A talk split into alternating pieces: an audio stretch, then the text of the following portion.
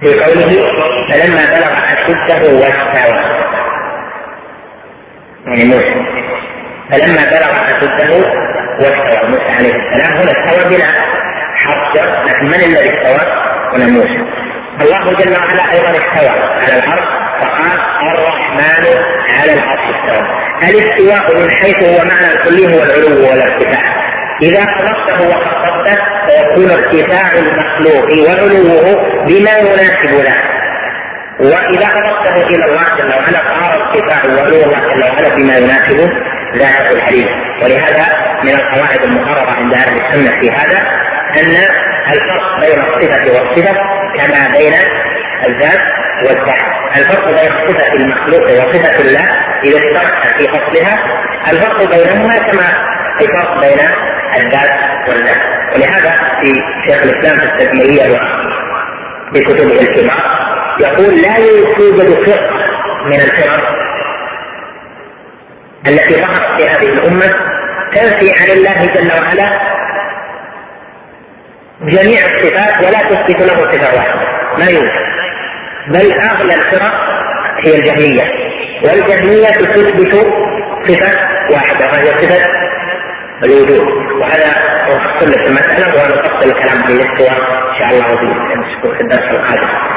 الجهمية تثبت صفة واحدة وهي صفة الوجود.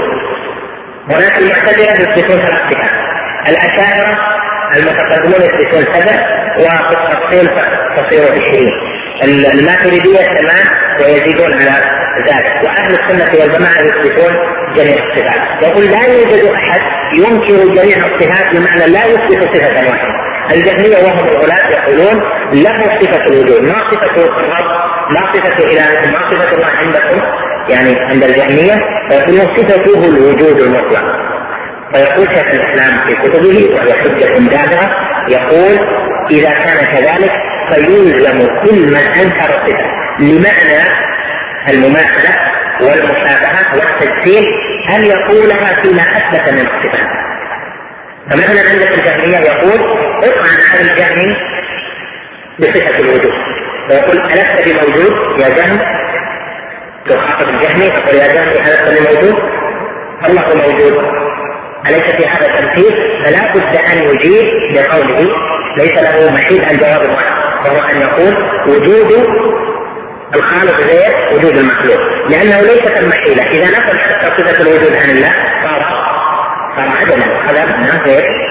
عدم اله معدوم هذا ما يحصل فهم نفوا جميع الصفات لعدم التمثيل وقالوا الوجود هذا لا بد منه لأنه ما يستطيعون ذلك. يقول تبدا معه بالطعن بهذه. ما الفرق بين ما اثبت وما نفيت كذا المعتزله كذلك في حديث تفصيل هذه المسألة. ما الفرق بين إثبات الحياة ونفي ذلك. أو القوة أو القدرة ونفي بقية الصفات.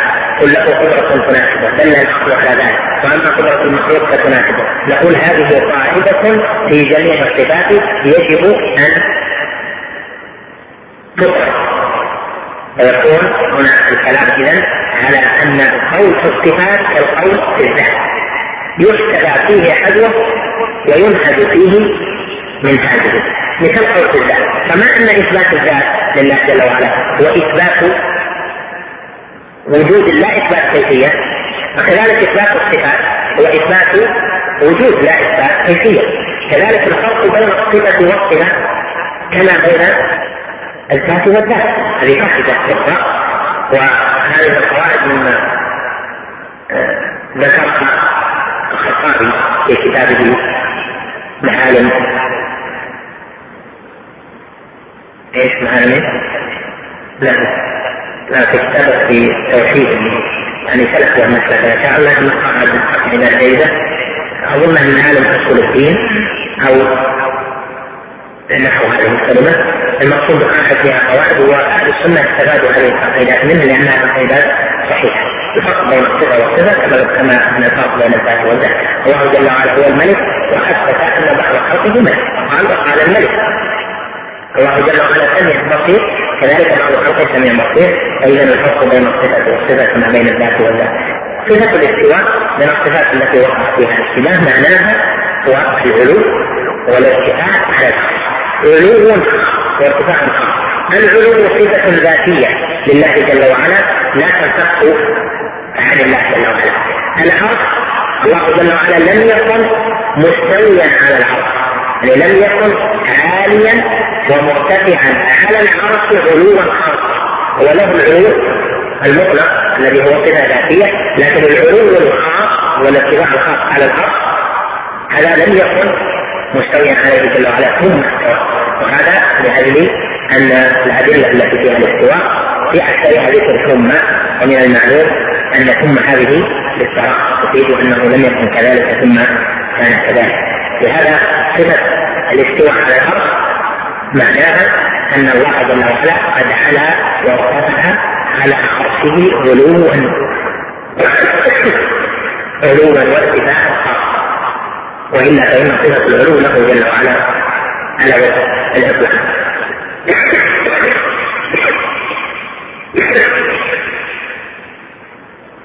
نقف عند هذا القدر ونكمل إن شاء الله في الأسبوع. في وقت بعد المغرب أنه الحقيقة بالنسبة للوسطية قد يقصر شوي. لو جعلناه بعد العشاء في إشكال تناقض زيادة شوي.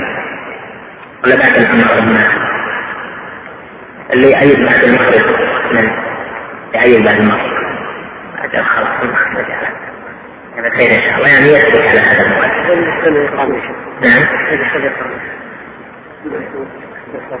لأن بعضهم ينتقل يروح مكان هذا بهذا صلى الله عليه وسلم على نبينا محمد. أما الآن فنترككم مع مجلس آخر من هذا الشرح. ربكم الله الذي خلق السماوات والأرض في ستة أيام ثم استوى على العرش. وقال في سورة يونس عليه السلام إن ربكم الله الذي خلق السماوات. إن ربكم الله الذي خلق السماوات والأرض في ستة أيام ثم استوى على العرش وقال سورة يونس عليه السلام إن ربكم الله الذي خلق السماوات والأرض في ستة أيام ثم استوى على العرش وقال في سورة الرعد الله الذي رفع السماوات بغير عدد له ثم استوى على العرش وقال في سورة الله الرحمن على العرش استوى وقال في سورة الفرقان ثم استوى على العرش الرحمن. وقال في سورة الإنسان سجد الله الذي خلق السماوات والأرض وما بينهما من ستة أيام ثم استوى على العرش وقال في سورة الحديث هو الذي خلق السماوات هو الذي خلق السماوات والأرض في ستة أيام ثم استوى على العرش وصحبه ومن اهتدى بهداه اللهم علمنا ما ينفعنا وانفعنا بما علمتنا وزدنا علما وعملا يا أرحم الراحمين. اللهم بصرنا بالحق ومن علينا باتباعه وبصرنا بالباطل ومن علينا باجتنابه. اللهم نعوذ بك من الحول بعد الحول ونعوذ بك أن نضل أو نضل أو نزل أو نزل أو نجهل أو يجهل علينا. أما بعد فهذه الجملة من الآيات فيها إثبات صفة الاستواء استواء الله جل وعلا على عرشه وهذان الأمران الاستواء والعرش قد خالف فيهما أهل السنة والجماعة من خالف. وفي الخارج المبتدعة الاستواء عندهم ليس هو الاستواء عند أهل السنة وكذلك العرش عندهم ليس هو العرش عند أهل السنة والجماعة. هذه الآيات فيها إثبات الاستواء استواء الله جل وعلا على عرشه والعرش الذي استوى ربنا جل وعلا عليه هو مخلوق من مخلوقاته العظام وصفه الله جل وعلا بصفات في كتابه كقوله في وصفه إن العرش عظيم في قوله رب العرش العظيم ووصفه بأنه كريم في قوله رب العرش الكريم ووصفه بأنه مجيد. وهذه الصفات لها معاني كذلك وصف الله جل وعلا عرشه العظيم الكريم المجيد وصف عرشه بأنه يحمل. وقال جل وعلا ويحمل عرش ربك فوقهم يومئذ ثمانيه ووصف جل وعلا أيضا عرشه بأنه يضاف به وأن حوله الملائكة. قال سبحانه الذين يحملون العرش ومن حوله يسبحون بحمد ربهم ويؤمنون به ويستغفرون للذين آمنوا. وفي السنة جاء وصف العرش بأن له قواعد وأنه يحمل كما جاء في الحديث الصحيح أن النبي صلى الله عليه وسلم قال يصحق الناس فأكون أول من يفيق. فإذا موسى عاقب أو قال قاطف بقائمه من قوائم العرش فلا أدري افاق قبلي ام جوزي بصحبه الطور. ونحو ذلك من الأحاديث والآيات التي فيها وصف العرش لأنه سرير لأنه من جنس العروش التي تؤحد للملوك. وهذا هو الذي تقتضيه اللغة. فإن العرش في لغه العرب هو سرير الملك. يعني في اللغة المكان أو الكرسي الذي يجلس عليه الملك. إذا أراد مقابلة من يدخل عليه. وهذا جاء في قصة بلقيس حيث قال جل وعلا ولها عرش عظيم وأوتيت من كل شيء ولها عرش عظيم.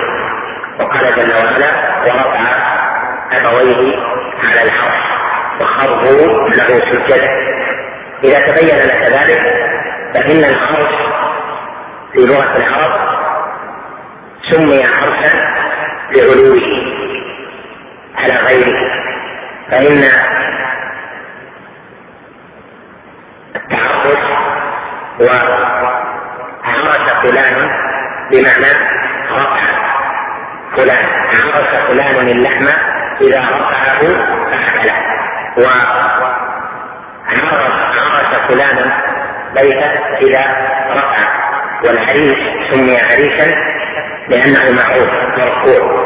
قال قال جل وعلا ومما يعرفون يعني ومما يرفعونه مما يبنون. عرض هذه المادة في لغة العرب راجعة إلى الارتفاع. وسمي العرش الذي هو سرير الملك سمي بذلك لارتفاعه. الملك يجلس عاليا على من حوله. وهذا معنى هذا اللفظ في لغة العرش ووصف العرش في القرآن وفي السنة بأن له قواعد وأنه يحمل وأنه عرش عظيم وأنه مجيد وأنه كريم. هذه الصفات تقتضي أنه فاق العروش في بهائه وحسنه وعظمته فقوله جل وعلا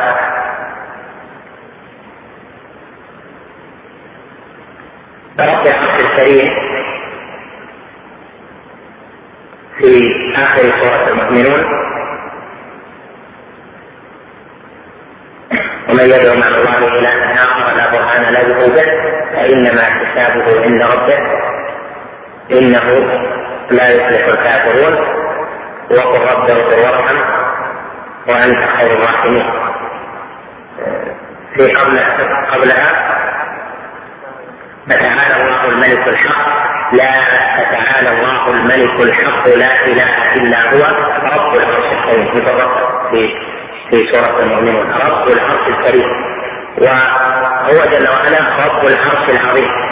قال فإن تولوا فقل حسبي الله لا إله إلا هو عليه توكلت وهو رب العرش العظيم. ومعنى كون عرش الله كريما كريم يعني فاق جنس العروش في صفات الكمال. فالعروش المعروفة لها صفات وعرش الرحمن هو أكرم تلك العروش يعني هو الذي فاق تلك العروش في صفات الكمال. إذ الكرم في لغة العرب معناه أن يفوق من وصف به غيره الذي من جنسه في صفات الكمال فيقال فلان كريم إذا فاق غيره في الصفات. يبذل نفسه يبذل ماله يطعم. صاحب نجدة ونحو ذلك. فلا يقال له كريم. يعني كثرت فيه الصفات التي تميز بها عن غيره. فإذا عرش الله جل وعلا كريم. فوصفه بأنه كريم في قوله رب العرش الكريم وصفه بأنه كريم يقتضي أنه من جنس العروش. لأن الكريم في لغة العرب هو الذي فاق جنسه في صفة الكلام. والعرش من صفته في اللغة أنه عالم وكذلك عرش الرحمن. عرش الرحمن موصوف بالعلو ولهذا قال أهل العلم على ما جاء في السنة إنه عرش الرحمن هو كالكفة إنه عرش إن عرش الرحمن جل وعلا هو فوق الجنة يعني سقف الجنة. وأن عرش الرحمن عال على السماوات وعلى الكرسي فهو أعلى المخلوقات. فليس ثم شيء من المخلوقات أعلى من عرش الرحمن. وفوق العرش رب العالمين جل وعلا. إذا نصل من هذا إلى تقرير أن لفظ العرش في اللغة يقتضي العلو وأن وصف العرش في القرآن وفي السنة يدل على أنه مخلوق منفصل له صفات وأنه من جنس العروش لكن فاقها في صفات الكمال يعني أن أنه يشترك مع بقية العروش في أصل المعنى. كما أن صفات الله جل وعلا تشترك مع صفات المخلوقين في أصل المعنى وما بين الصفة والصفة كما بين الذات والذات. فكذلك عرش الرحمن ويشترك مع عروش الملوك في أصل المعنى لكن بين العرش والعرش بين عرش الرحمن وعرش أو عروش الملوك التي كانت تحتاج الملوك كما بين الذات والذات. إذا تقرر هذا فنعلم أن إثبات العرش عند أهل السنة والجماعة وإثبات مخلوق عالم فوق المخلوقات وأن له صفة وأنه يحمد وأن له قوائم وهو أعلى. مخلوقات الرب جل وعلا. إذا تقرر هذا فنقول معنى قوله استوى على العرش. يقتضي أن يكون معناه على على العرش. لأن العرش موصوف بالعلو ومعنى استوى على العرش يعني على العرش. وقبل الدخول في تفصيل هذا المبتدئة نازعوا في أن العرش على ما وصفنا وسبب المنازعة أنهم رأوا أنهم لو قالوا إن استولى إن استوى بمعنى استولى كما هو المشهور عن الأشعرية والمعتزلة ومن شابههم قالوا استوى بمعنى استولى فيكون هنا تخصيص الاستيلاء بالعرش يفهم منه أن غير العرش لم يستولي عليه. استولى على العرش وغير العرش فلهذا قالوا العرش ليس على هذا الذي وصفتم وإنما العرش معناه الملك استوى على العرش يعني استولى على الملك هذا قول المبتدع وهذا بينته لك لأبين سبب وخط الخلاف في هذا المسألة والتأويلات التي جاءت فيه. إذا قول الله جل وعلا ثم استوى على العرش الرحمن على العرش استوى ثم استوى على العرش الرحمن. ونحو ذلك من الآيات السبب التي ذكرها المصنف هي دالة على أن الله جل وعلا مستو على عرشه وأن الاستواء على عرش الله جل وعلا استواء الله على عرشه أن هذا لا يقبل التأويل ولا يقبل صرفه عن ظاهره لأنه نوع في العبارة. ثم إن العرش فيه من معنى الاستواء. فإن العرش والتحرك فيه العلو والاستواء فيه العلو كما سيأتي. فإذا هذه النصوص هذه الآيات السبع نص في صفة الاستواء. ومعنى كونها نصا أنها لا تقبل معنى آخر. بخلاف الذين زعموا أن الاستواء له عدة معاني ربما كان كذا وكذا 15 معنى لم يقول ويحرك الكلمة عن مواضعه هذه الآيات نص في صفة الاستواء. إذا تبين ذلك فقوله استوى على العرش استوى هذه فسرها السلف بعدة تفسيرات قالوا استوى على استوى استقر استوى على العرش ارتفع واستوى على العرش بمعنى وأعلى ارتفع استقر صعد هذه التفاسير المنقولة عن السلف وسبب هذه أن على وارتفع وصعد واستقر هذه كلها لا صلة بالمعنى اللغوي بل هي من التفسير باللغة لأن استوى في اللغة معناها على قال ابن الأعرابي أحد أئمة اللغة إن العرب لا تعرف استوى إلا بمعنى أعلى. وجاء أحد أهل اللغة في زيارة أحد الأنهار فنظر إليهم وهو على سطح بيته. فقال استووا إلي يعني اصعدوا إلي. وهذا هو معنى استوى في اللغة. استوى في اللغة بمعنى على وارتفع استوى استوى الشيء يعني على وارتفع استوى على بيته يعني على وارتفع عليه. قال جل وعلا فإذا استويت أنت ومن معك على الكل يعني علوتم وارتفعتم عليه.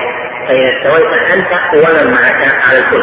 فإذا معنى استوى في لغة العرب العلو والارتفاع. ولهذا في الآيات التي فيها استوى فيها اثبات الاستواء لله الرحمن على العرش استوى ثم استوى على العرش الرحمن ثم استوى على العرش.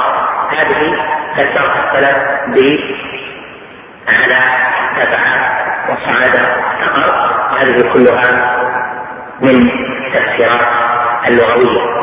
إذا تبين لك هذا فإن آيات التي ذكر فيها الاستواء في القرآن على قسمين القسم الأول ذكر فيها الاستواء بدون تعديل والأخرى ذكر فيها الاستواء محدد بدون تعدية يعني بلا حرف جر بعد الفعل. قال جل وعلا ثم قال جل وعلا في قصة موسى ألما بلغ أشده واستوى. هذا بدون تعدية لذا لم يعد يكون معنى الثواب أي كمل وتم.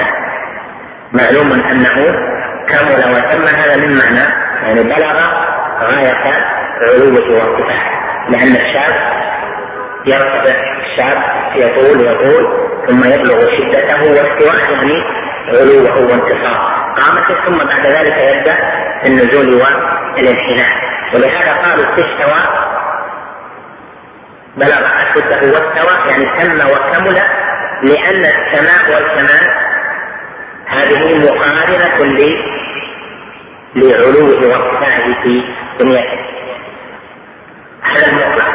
والمقيد قيد بحرف إلى وقيد بحرف على فمن المقيد بحرف إلى قوله جل وعلا ثم استوى إلى السماء.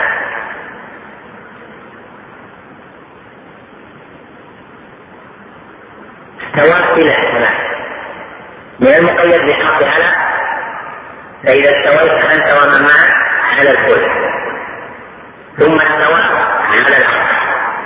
أصل معنى استوى واحد لا يختلف وهو العلو والارتفاع فهنا استوى إلى السماء هذا عدي الاستواء بحق إلى فعلم منه أن الاستواء ضمن معنى فعل آخر يصلح للتعدية بإلى ما معنى هذا الكلام؟ معناه أن العرب تستعمل في لغتها التضمين. والتضمين هو في مقام العرض فبدل أن تعطف فعلا على آخر فيقول الكلام تثبت الفعل الأصلي وتعديه بحرف جر لا يناسب هذا الفعل. وإنما يناسب فعلا فنستدل بالفعل بالفعل على على المعنى. الاصلي نستدل باستوى على العلو والارتفاع. ونستدل بإلى على الفعل الذي ضمن في استوى يناسب إلى. ولهذا تجد أن من التفاسير كما تجد في تفسير ابن كثير والبغوي وغيره في قوله ثم استوى إلى السماء يعني عمد وقصر ومن استوى إلى السماء عمد وقصد هذا تفسير ليس للفظ استوى ولكن تفسير لما عدي به لأن استوى بمعنى على وقتها فمعنى قول ثم استوى إلى السماء يعني على وارتفع وقعد إلى السماء. ففيها إثبات للمعنى الأول للسواء وفيها إثبات للمعنى الثاني المضمن في فعل السواء الذي يناسب التعدية بإله ولهذا قال بعضهم إن هذا تأويل من الباطل أو تأويل من الحافظ بن أو تأويل من بعض السلف الذين قالوا آه، استوى بمعنى استوى إلى السماء بمعنى قصد هذا ليس كذلك بل هذا من التفسير باللازم أو من تفسير الفعل من تفسير الآية بما يحتاج يحتاج إلى التنبيه عليه. أما استوى علم أنه بمعنى على وقتها. هنا استوى إلى المعروف استوى على. فلماذا هنا قال استوى إلى؟ نقول لأنه أراد أن يضمن استوى الذي هو بمعنى على وقتها معنى فعل قصد يعني على وقتها قاصدا. إلى السماء. هذا نوع. النوع الثاني من المقيد الذي يقيد بعدد فهذا يفيد أنه ارتفاع وعلو خاص. لأن استوى أصلا بمعنى على وارتفع فإذا عدي بعلى صار سواء بما صار الاستواء بمعنى العلو والارتفاع لأن على أيضا تفيد تفيد الاستعلاء. أليس كذلك؟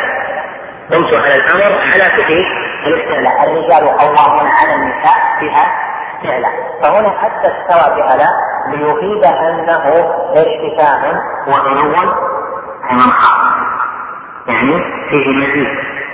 وهذا ما جاء في القرآن. في اللغة وما جاء في القرآن فيه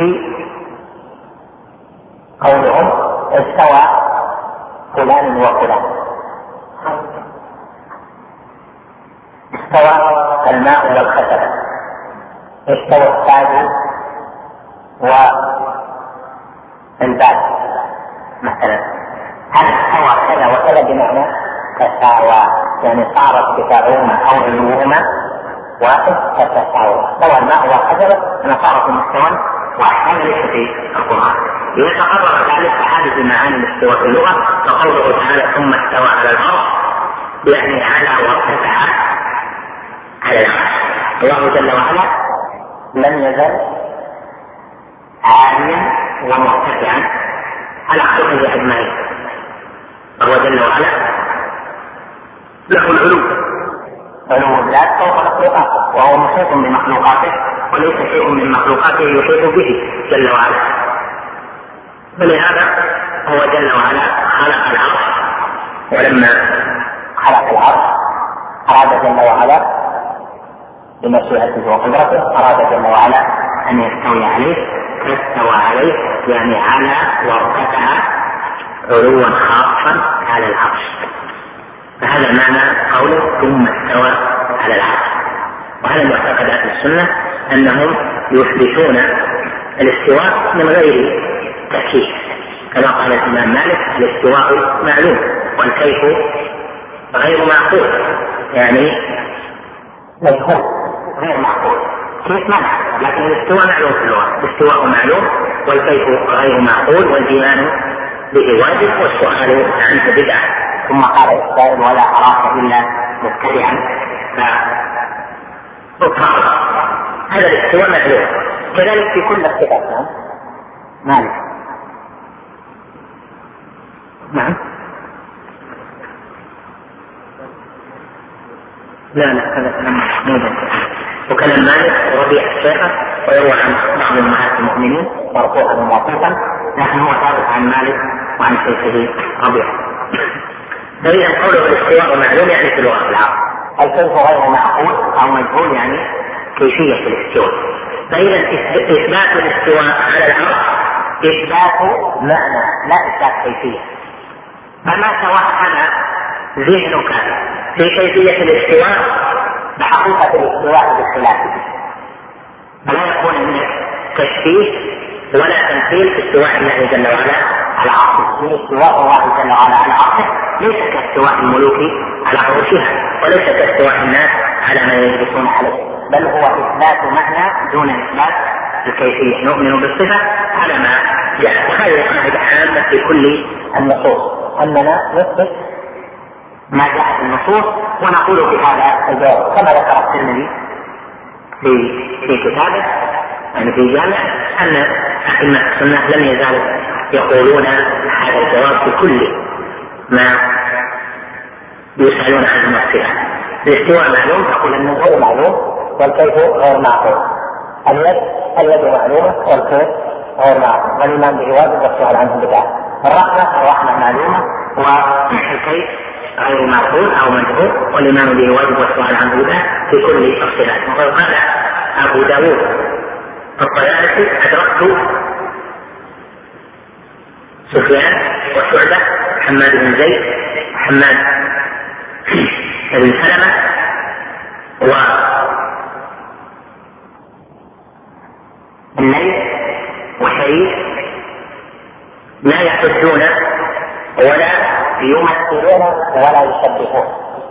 فإذا سئلوا نقصوا بالعدل إذا سئلوا نقصوا بالعدل يثبتون الصفات على ما جاء في أما تحديدها يعني تثبيتها يبتعدون عنه تمثيلها يبتعدون عنه تشبيه يبتعدون عنه إذا تبين لك هذا فنقول إن استواء الله جل وعلا على عرشه هذا من صفات جلاله جل وعلا. من صفات جلاله إذ نعلم أن الأرض بالنسبة للسماوات أنها صغيرة ومتناهية الصغر وأن سماوات بالنسبة إلى الكرسي الذي هو موضع قدم الله جل وعلا أنها كسبعة جدارات ألقيت بكرسي كرسي كما تعلمون مقدر والكرسي على السماوات السماوات في داخله صغيرة.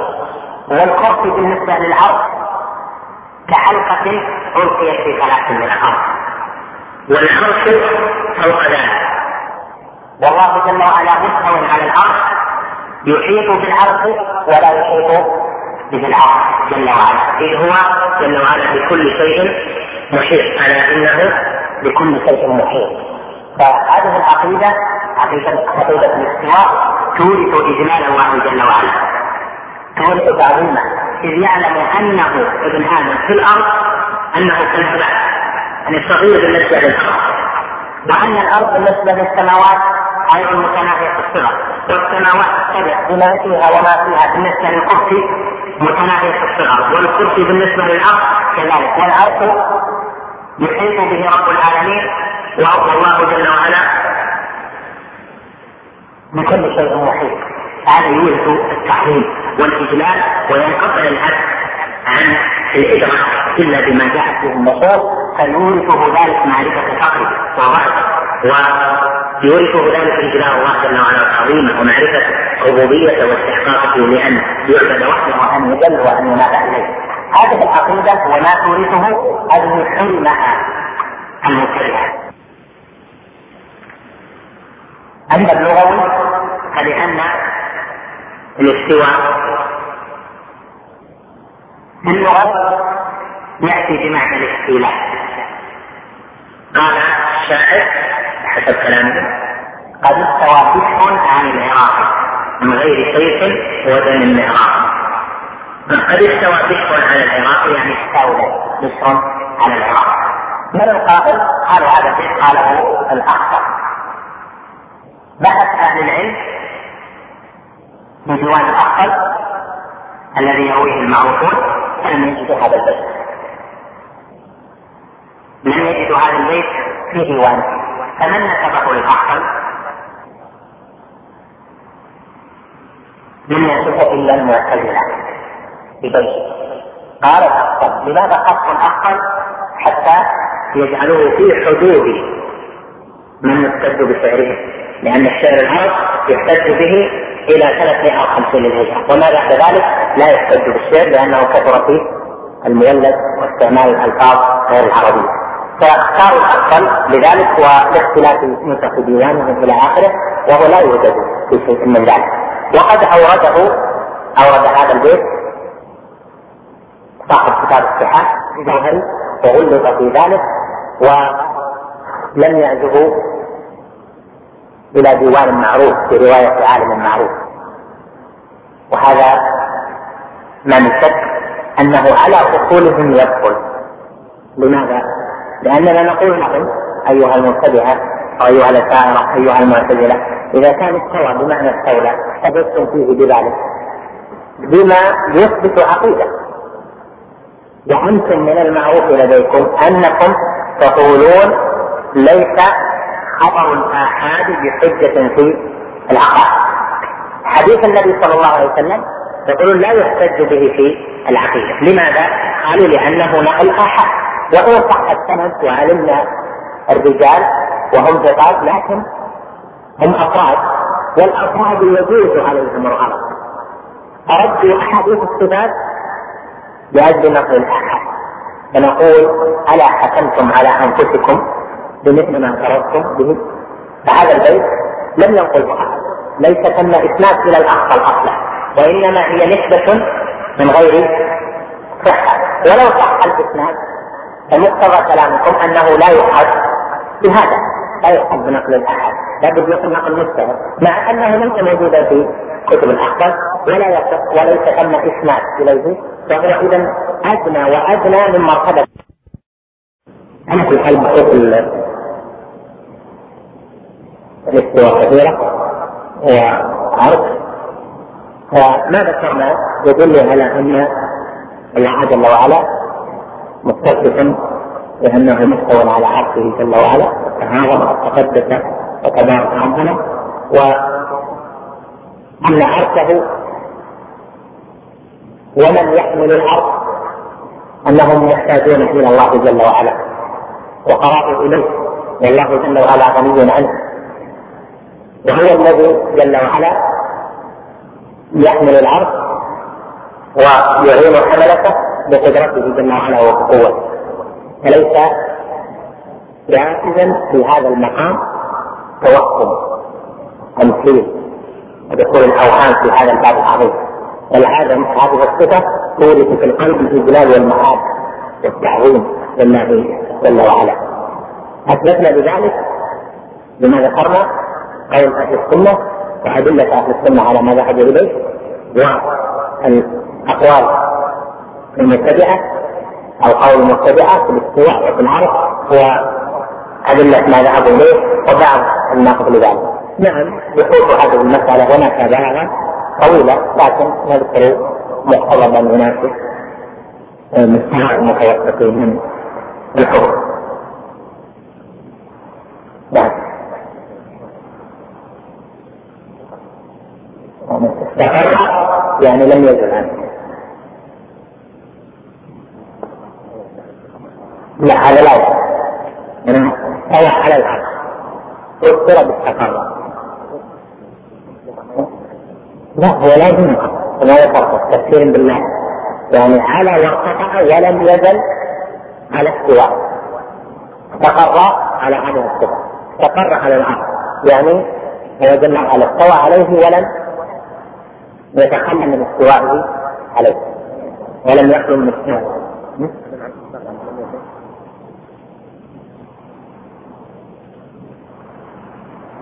اخذت استقر بمعنى لم يزل ما نقول استقر بمعنى لم يزل. استقر يعني قرر قرار يعني ما قال فيها انتقال عن الحالة أنا أقول أنت الآن أتيت واستقريت واستقريت في مكانك. هذا يعني خلاص ما بلغت بعد تنزل قال والله استقريت في البيت استقريت يعني خلاص ما عاد تروح البيت الأول وجيت خلاص استقريت في هذا المكان. فإذا هنا على وارتفع هنا قال جل وعلا ثم استوى على العرش فقبل ذلك لم يكن مستويا عليه يعني لم يكن عاليا ومرتفعا عليه العلو والارتفاع الخاص. أما هو جل وعلا له العلو المطلق هو عالم ومرتفع عليه من قبل. لكن العلو والارتفاع الخاص الذي اسمه الاستواء لم يكن استواء فهو جل وعلا لم يكن مستويا عليه ثم استوى عليه جل وعلا. فلما استوى عليه هل فارق هذه الحال؟ هنا تستوى من هذه الجهة بمعنى استقر يعني على وارتفع وصعد واستقر. ولهذا الصحيح كلها صحيح. كل هذه تشتمل في معنى الاستواء ليست تفسر واحدة وعلى جل وعلا وارتفع وصعد وارتفع. كلها. يعني أن توضح المعنى. المراد. بعد يعني نعطيكم عنوانه وقد ما يناسب تفصيله يعني مستوى مستوى وهو هل الاستواء على العرض صفة ذاتية؟ أم صفة فعلية؟ أم كانت فعلية ثم أصبحت ذاتية؟ وسبب هذا هو يعني يحتاج إلى مزيد تفصيل طويل. نعم اقرأ العلوم نعم تبغى نخلص العلوم أو نجيب الأسئلة نكمل أو نكمل من يقول نكمل هي الأسئلة ها؟ لا لا نكمل يعني في العلو في أدلة العلو بعد ذلك قال الله يا عيسى إني متوفيك ورافعك إليك الأسئلة ولا نكمل؟ رأيك الأسئلة ولا نكمل؟ الأسئلة ما ندري عنها طيب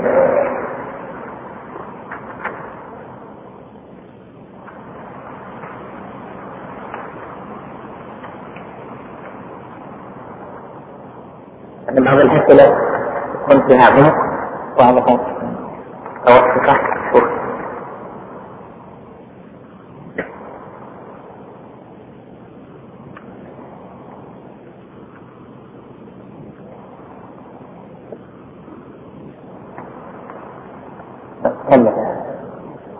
نجمع الأسئلة هذه في لقاء خاص. ونجيب نجيب عليها إن شاء الله من يستعد بحفظها؟ ها؟ احفظها ويحسنك في الجلسة الإجابة على الأسئلة العقدية مهمة نعم وقوله يا عيسى إني متوفيك ورافعك إلي وقوله تعالى من رفعه من رفعه الله إليه وقوله تعالى إليه يصعد الكلم الطيب والعمل الصالح يرفعه. وقوله تعالى يا هامان ابن لي صرحا لعلي أهله الأسباب أسباب السماوات فأطلع إلى إله موسى وإني لأظنه كاذبا. وقوله تعالى أأمنتم من في السماء أن يخسف بكم الأرض فإذا هي تمور؟ أم أمنتم من في السماء أن يرسل عليكم حاصبا؟ فستعلمون كيف نذير.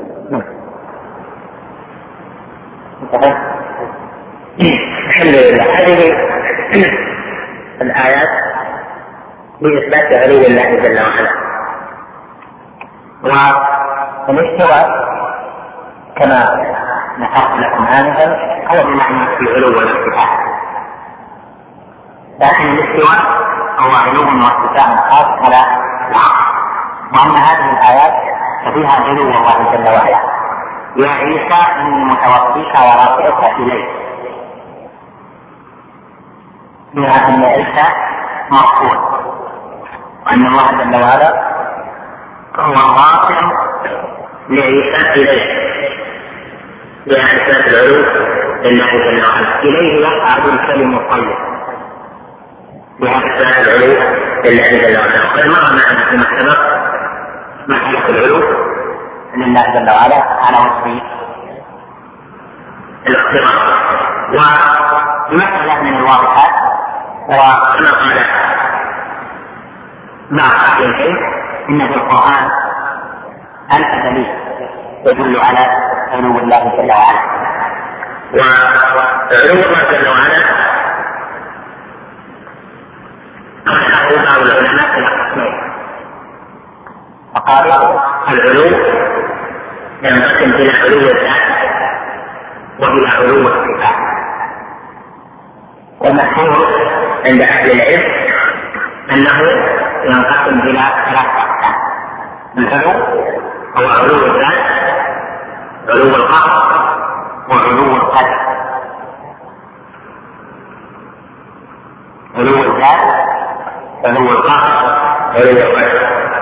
القولان متقاربان لأن علو الذات وعلو الصفات جعلوا منه القهر والقدر وغير ذلك من الصفات.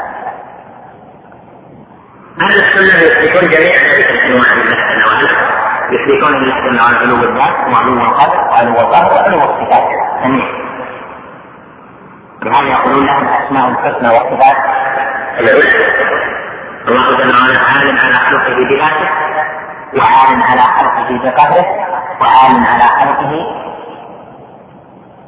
بقدره. جل وعلا أما أهل البدع فيقولون العلو الذي في النصوص هو علو القدر وعلو القهر. أما الذات وليس لها علو. لأنهم يقولون إن الله جل جلاله في كل مكان.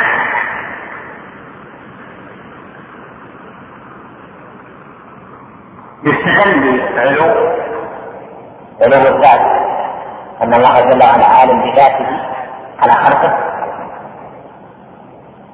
من أدلة من الكتاب والسنة والعقل والفقه الاستواء ما يستدل له بالعقل استواء العقل أما العلو فدليله العقل نعم الاستدلال عليه بالكتاب والسنة والفقه. ذكر أدلة من القرآن. كقوله جل وعلا من في السماء الله جل وعلا هو الذي في السماء كما قال والذي في السماء إله وفي الأرض إله في السماء هنا في بمعنى على. كقوله لا أسلمنكم في جذوع النخل يعني على جذوع النخل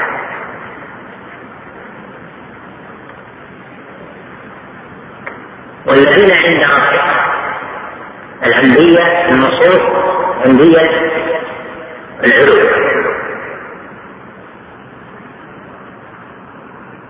أيضا في السنة الأدلة على هذا كثيرة أما في دليل الفطرة وأدلة السنة فتأتينا في قسم الاستدلال. السنة الاستدلال بالفطرة في هذا الموطن هو الذي يكون من أقوى الحجج على المبتدع ودليل الفطرة ما له الضرورة التي يجدها كل إنسان في قلبه أنه إذا دعا توجه إلى العلو يجد ضرورة في نفسه. روحه إذا أراد أن يدعو تتجه في حالة الفرج إلى جهة العلو وهذه ضرورة ليست واضحة في القلب نتيجة عن بل هي أمر ضروري. يعني لا يحتاج إلى استدلال. فليس ثم إذا سعى توجه إلى السؤال حتى من سجد فإنه إذا دعا يجب أن روحه تتوجه إلى إلى العلو في قلب إجابة ما دعا. وهذا الدليل الفطري يعني الشيء المغروس في الفطر الضروري. هذا مما احتج به على بعض العلماء المبتدعة حيث قال هو الجويني قال إن فرح بدليل يدل على أن الله في كل مكان فما هذا الدليل الذي فرحت به؟ فقال إن ذنون في بطن الحوت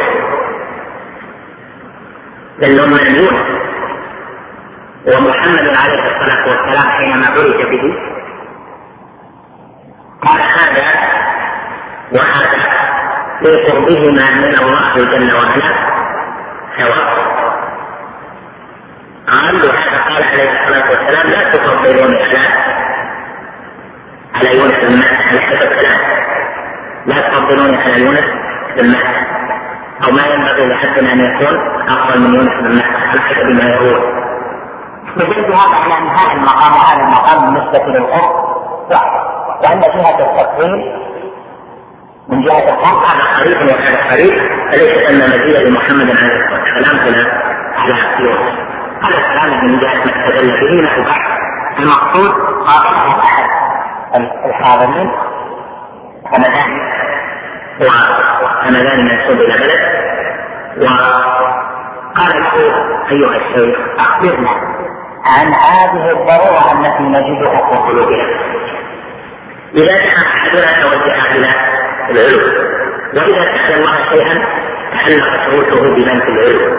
هذه الضرورة أخبرنا عنها ما تفسيرها كيف عرفت هذه الضرورة إلى غير تعليم فقال حيرني الحمدان حيرني الحمدان السؤال ماذا الجواب هذا في بعض الرحلات مثل رحلة البيت مثلا في ومن ثورات القرن الرابع نجح بعض بني بعض الخلفاء. نجمعهم إلى بلاد روسيا.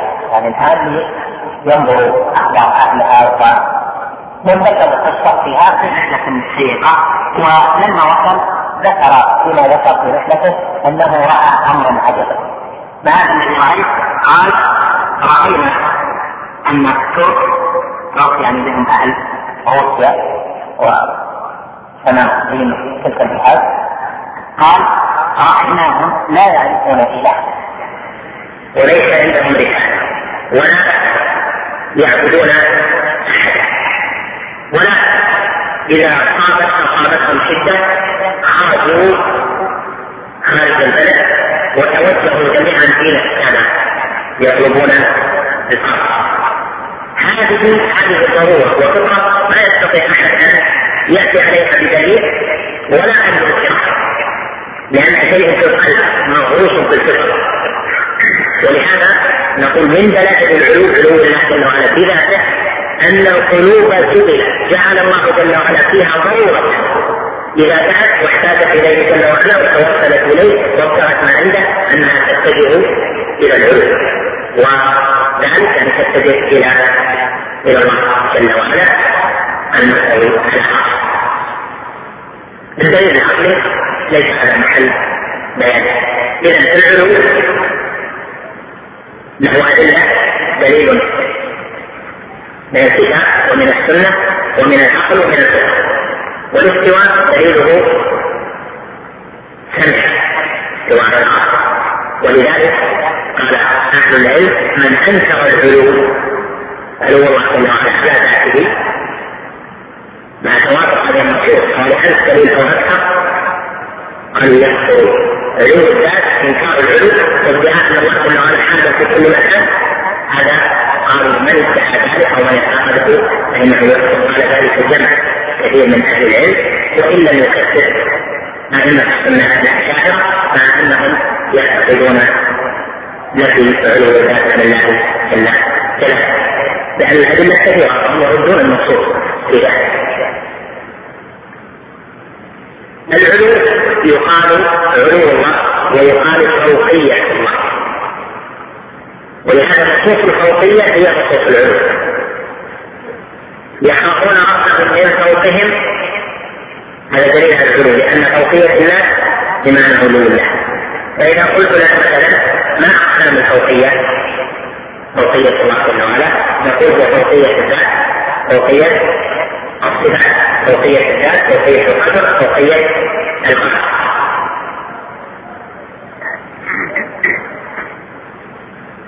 قال أهل العلم النصوص التي فيها من الأدلة التي فيها ذكر الفوقية وقبل ذلك حرف من مثل يخافون ربهم من فوقهم هذا يدل على النص الصريح في العلو الذي لا يقبل لماذا؟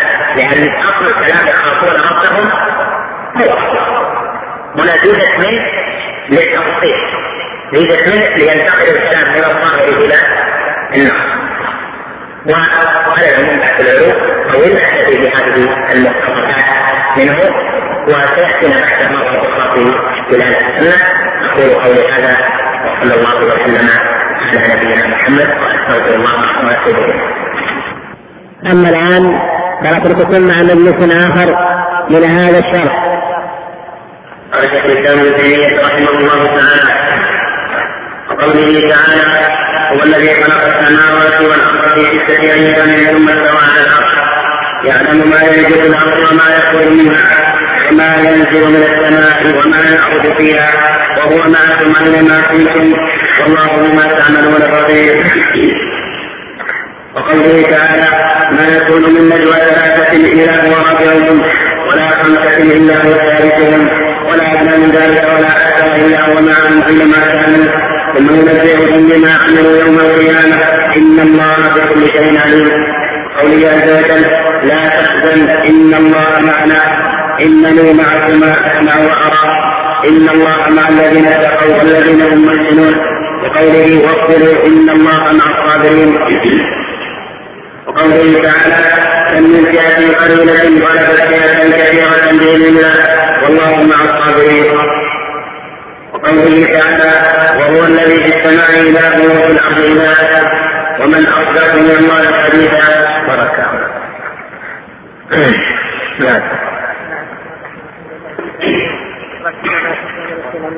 العالمين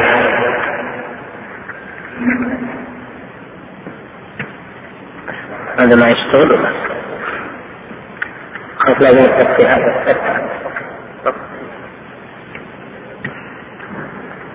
الحمد لله رب العالمين والصلاة والسلام على نبينا محمد وعلى آله وصحبه أجمعين.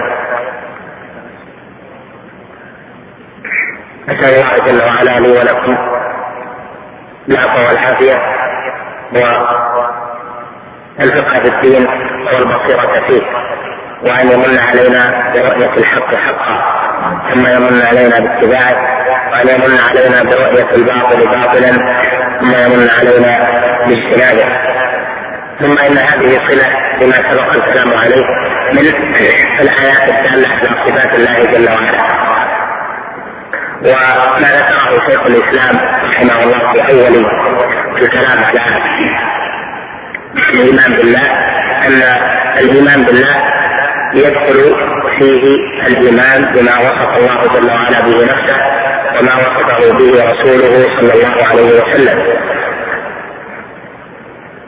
الصفات التي ذكرت في الكتاب يجب الإيمان بها على القاعدة المعروفة عند أهل السنة والجماعة أنه إثبات لما جاء في الكتاب والسنة من الصفات إثبات من غير تكييف وامرار من غير تحقيق.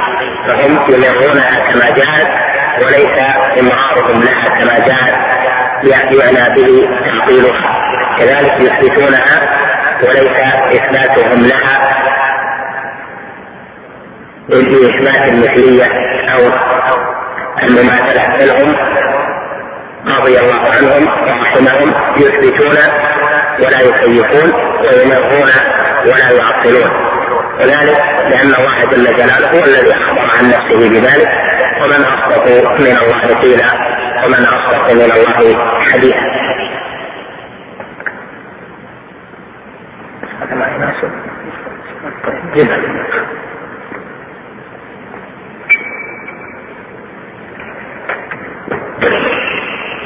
وبعد ذكر شيخ الإسلام رحمه الله الآيات التي دلت الله جل وعلا على عرشه ذكر الايات الداله على علو الله جل وعلا ثم ذكر الان الايات التي تدل على ان الله جل وعلا مع خلقه وهذا الترتيب مقصود لأنه بعدم رعايه ذلك حصل الخلل في طوائف من هذه الأمة فإثبات استواء الله جل وعلا على عرشه على الحقيقة كما جاء في ظاهر النصوص وإثبات أن الله جل وعلا حال على خلقه بذاته كما أنه حال على خلقه بقدره وقهره جل وعلا. كذلك هو مع علوه ومباينته لخلقه سبحانه إن هو ليس بحال فيهم ولا بمختلف بهم اختلاف بل هو جل وعلا على العرش استوى له علو الذات على خلقه جل وعلا علو علو القدر. كذلك هو مع خلقه لا تغيب عنه جل وعلا من شؤون خلقه غائبة والله جل وعلا موصوف بأنه مع خلقه موصوف بصفة معيته لخلقه. وهو جل وعلا مع خلقه جميعا. ومعيته لخلقه دلت عليها آيات منها قول الله جل وعلا هو الذي خلق السماوات والأرض في ستة أيام ثم استوى على الأرض. يعلم ما يلج في الأرض وما يخرج منها وما ينزل من السماء وما يعرض فيها وهو معكم أينما كنتم. والله بما تعملون بصير. في هذه الآية أخبر جل وعلا انه مع حكم اينما كان قال وهو معكم اينما كنتم وهذه معية لم يخصص الله جل وعلا بعض خلقه دون بل قال وهو معكم اينما كنتم وهو معكم اينما كنتم والعموم والشمول فيها من جهة الخلق ومن جهة الأمثلة. لأن أينما تدل على الأمثلة وقوله وهو معكم يعني مع خلقه جل وعلا كذلك الآية الثانية ما يكون من نجوى ثلاثة إلا هو رابعهم ولا خمسة إلا هو سادسهم ولا أدنى من ذلك ولا أكثر إلا هو معهم أينما كان. ثم ينبئهم بما عملوا يوم القيامة ثم الله بكل شيء عليم. فيها معيته جل وعلا بكل من يتلازم وهذا يعم المسلم والكافر ويعم الصالح والصالح ويعم صاحب السنة وصاحب البدع. الله جل وعلا معيته لخلقه في أي مكان كانوا ثابته وهذه المعية التي لم يتخصص بها طائفه دون طائفة. هذه هي المعية العامة لجميع الخلق. وهذه ثابتة لله جل وعلا كما سبحانه بقوله إلا هو معكم أينما كان فهذه الآيات وما كان مثل ذلك. هذه فيها المعية العامة لله جل وعلا. لماذا قلنا معية عامة؟ لأن المجموعة الأخرى من الآيات التي ساقها شيخ الإسلام أثبتت معية بمعية للمتصفين بالصفات قال جل وعلا لا تعلم إن الله معنا يعني مع النبي صلى الله عليه وسلم ومع الصديق. إنني معكما اسمع لموسى وهارون من الرسل. قال إن الله مع الذين اتقوا هذه معية جعل الله جل وعلا للمتقين. مع الذين اتقوا ومع الذين هم محسنون. معية جعلها الله جل وعلا للمحسنين واصبروا إن الله مع الصابرين. هذه معية جعلها الله للصابرين وهذه الآيات دلت على أن ثم معية جعلها الله جل وعلا لمن المؤمنين. التقوى الاحسان الصبر ومعية خاصة بالرسل. وتلك المعية في الآيات الأول لم تخص لأجل هذا قال أهل العلم. معية معية الله جل وعلا مع خلقه من ودليل الإنسان المجموعة الثانية من الآيات التي فيها التخصيص إذ التخصيص دليل على أن هؤلاء خصوا بما لم يشمله بما خصوا بمعية ليست هي المعية التي في الآيات الأولى. فمعنى ذلك أن هذه المعية من لم يكن على هذه الصفات لا تشمله فقوله إن الله مع الذين اتقوا والذين هم محسنون. نعلم أن هذه المعية التي خص بها أهل التقوى وخص بها أهل الاحسان ليست للكافر فإذا إذا قلت إذا الكافر ليس الله معه المعية التي جاءت في هذه الآية نقول هو صحيح. هذه المعية خصت بالمتقين بالمحسنين خصت معية آية وحرب الصابرين ونحو ذلك. فإذا إذا كان كذلك ثبتت المعية الخاصة. فيقتضي ذلك أن هذه المعية تختلف عن المعية العامة التي جاءت في الآيات السابقة. فإذا نتج من هذا أن هذه الآيات دلت على أن معية الله جل وعلا لخلقه قسمان القسم الأول معية عامة وهذه المعية العامة هي التي لا يخص منها بعض خلق الله. بل كل أحد من خلق الله. الله جل وعلا معه المعية العامة وهذه المعية العامة فسرها السلف الصحابة والتابعين وأئمة الإسلام. فسروها بمعية العلم. والإحاطة والاختلاف والبصر و السبع ونحو ذلك واجمعوا على ان المراد بها في الآية الأولى آية الحديث المراد بها معية العلم أجمعوا على أن تفسير قول الله جل وعلا وهو معكم أينما كنتم الله بما تعملون بصير قالوا هذه معية العلم وكذلك في الآية المجادلة التي بعدها قالوا هي معية العلم. فإذا المعية العامة هي معية العلم. العلم علم الله جل وعلا بخلقه هذا يقتضي الإحاطة. كما قال جل وعلا يستخفون من الناس ولا يستخفون من الله. وهو معهم يبيتون ما لا يرضى من القول معكم بعلمه أيضا بسمعه جل وعلا يسمع ما يقولون ويبصر افعالهم وهو معكم جل وعلا بعلمه. هم يحسبون أن لا نسمع سرهم ونجواهم بلى. ورسلنا لديهم يكتبون. المعية العامة هي معية العلم.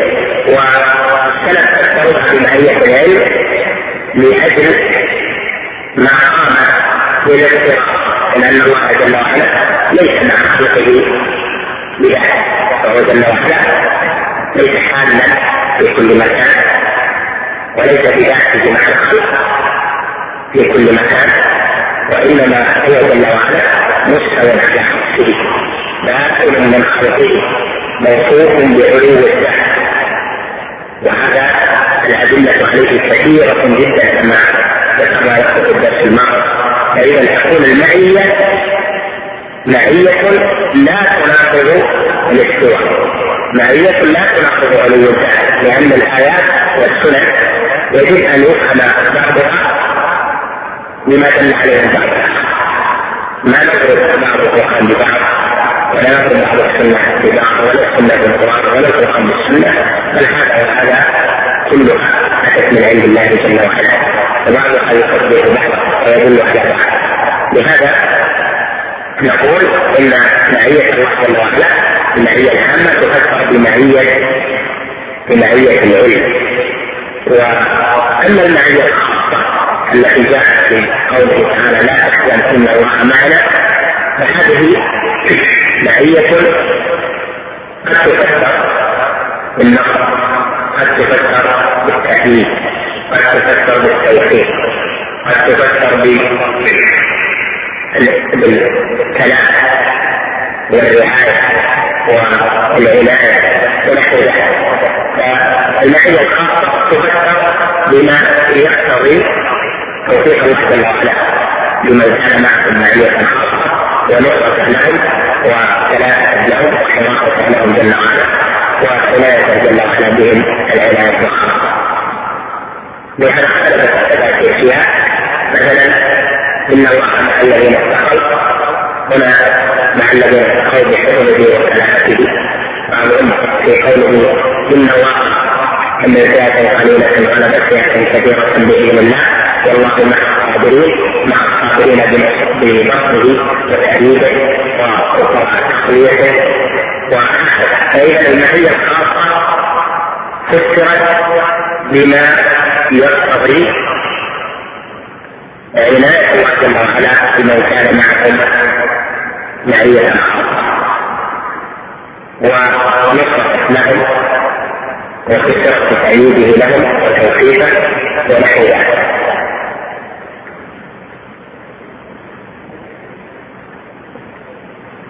المعية عند أهل السنة والجماعة.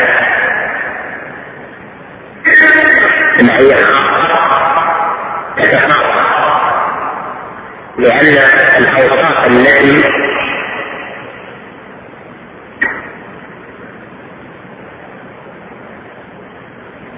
ذكر الله جل وعلا لمن هو معه المعية خاصة أوصاف تتفاوت قوله مثلا إن الله مع الذين اتقوا. التقوى عند أهل السنة والجماعة ليست بشيء واحد إما أن يأتي وهو إما أن يأتي. بل الناس التقوى متفاضلون وكذلك معية الله جل وعلا معهم تتفاضل حفظ الله لعباده يختلف بقدر حفظهم جل وعلا حفظهم له جل وعلا حفظهم لحدوده تقواه تقوى العباد وربهم جل وعلا كلما زاد كلما زادت المعية. فإذا هذه الأوصاف فقط المعية التقوى الإحسان هذه تتفاضل فمعية الله جل وعلا تتفاضل بتفاضل ذلك. أيضا نقول إن معية الله جل وعلا هي وهي المعية الخاصة هي من هي من جنس محبته جل وعلا وموقفه لمن أحب ومن العباد الله جل وعلا يحب وجل وعلا يود وهو الغفور الودود الذي يود ويود الله يحب وينتج من محبته ومودته لمن أتى بما يحبه الله جل وعلا ويوده أن يكون الله جل وعلا معه. ولهذا الولاية والأولياء وكرامات الأولياء. هذا من فروع الإيمان بالمعيه الله جل وعلا يكرم اولياء بما يكرمهم به لأنه معهم معيه لأنه يحبهم كما انهم يحبونه ولهذا في حديث الولي قال جل وعلا ولا يزال عبدي يتقرب إلي بالنوافل حتى أحبه. فإذا أحببته كنت سمعه الذي يسمع به.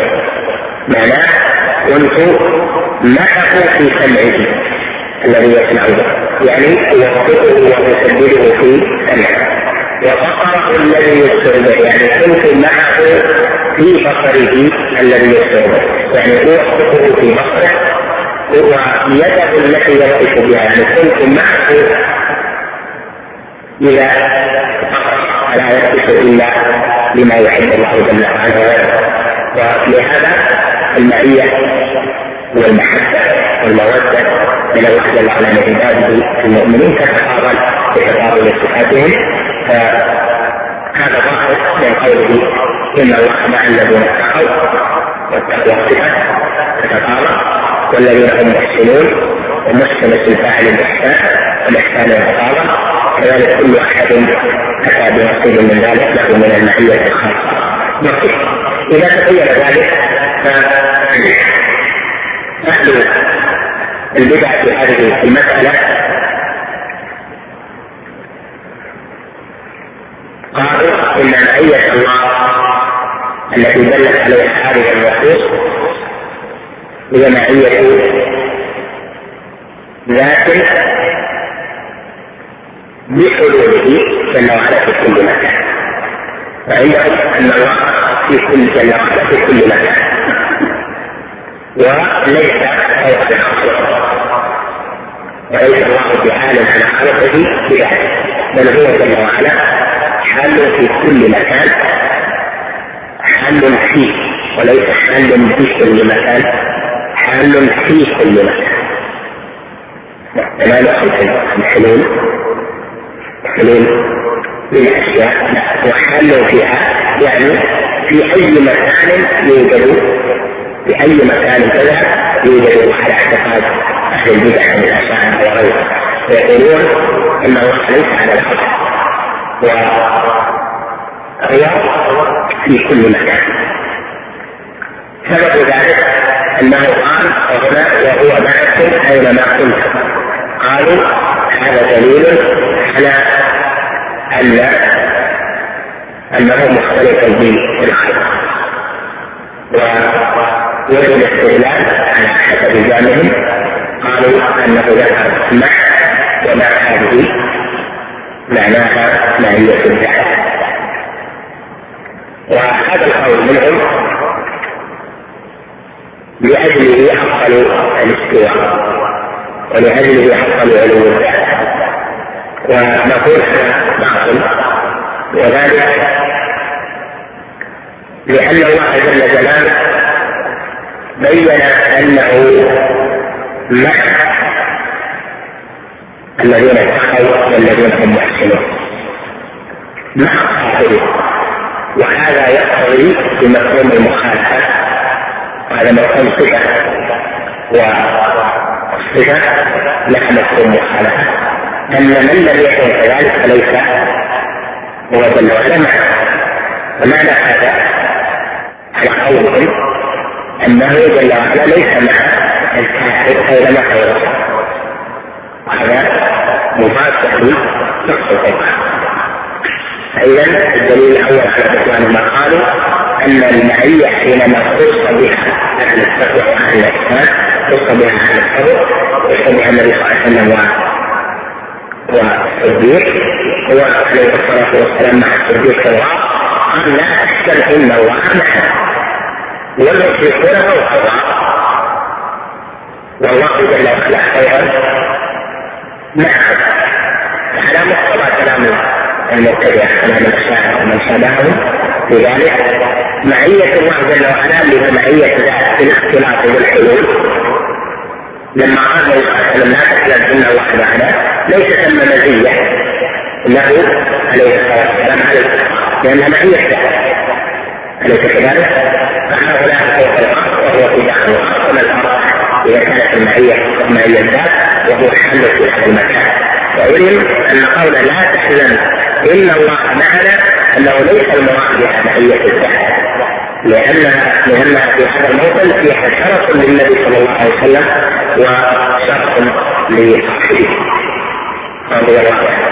هذا هو من حيث دلالة الآية. أما من حيث اللغة فنقول ما ذكرتموه باطل من جهة اللغة. وذلك لأن كلمة لا في اللغة تدل على مطلق المصاحبة والاقتراب قد يكون المقارنة والمصاحبة في المعاني وقد تكون في الزواج مع اختلاف الزواج وتقاربها وقد تكون في الذات والذات بعيدة عن الذات هذه ثلاث أشياء. أما الأول الله جل وعلا قال يا أيها الذين آمنوا يا أيها الذين آمنوا اتقوا الله وكونوا مع الصادقين. قال كونوا مع الصادقين. معهم بذواتكم ونحن الصادقين الانبياء والرسل الذين قبل نبينا محمد صلى الله عليه وسلم. ونحن مأمورون أن نكون معهم باي شيء لأن نكون مقارنين لهم ومصاحبين لهم في هذه صفه الصدق في الإيمان. وعدم التردد فيه والاستجابة لما أمر الله جل وعلا به ورسوله. فإذا قوله اتقوا الله وكونوا مع الصادقين يعني معهم في صفه الصدق يعني قارنوهم وصاحبوهم في هذا الصدق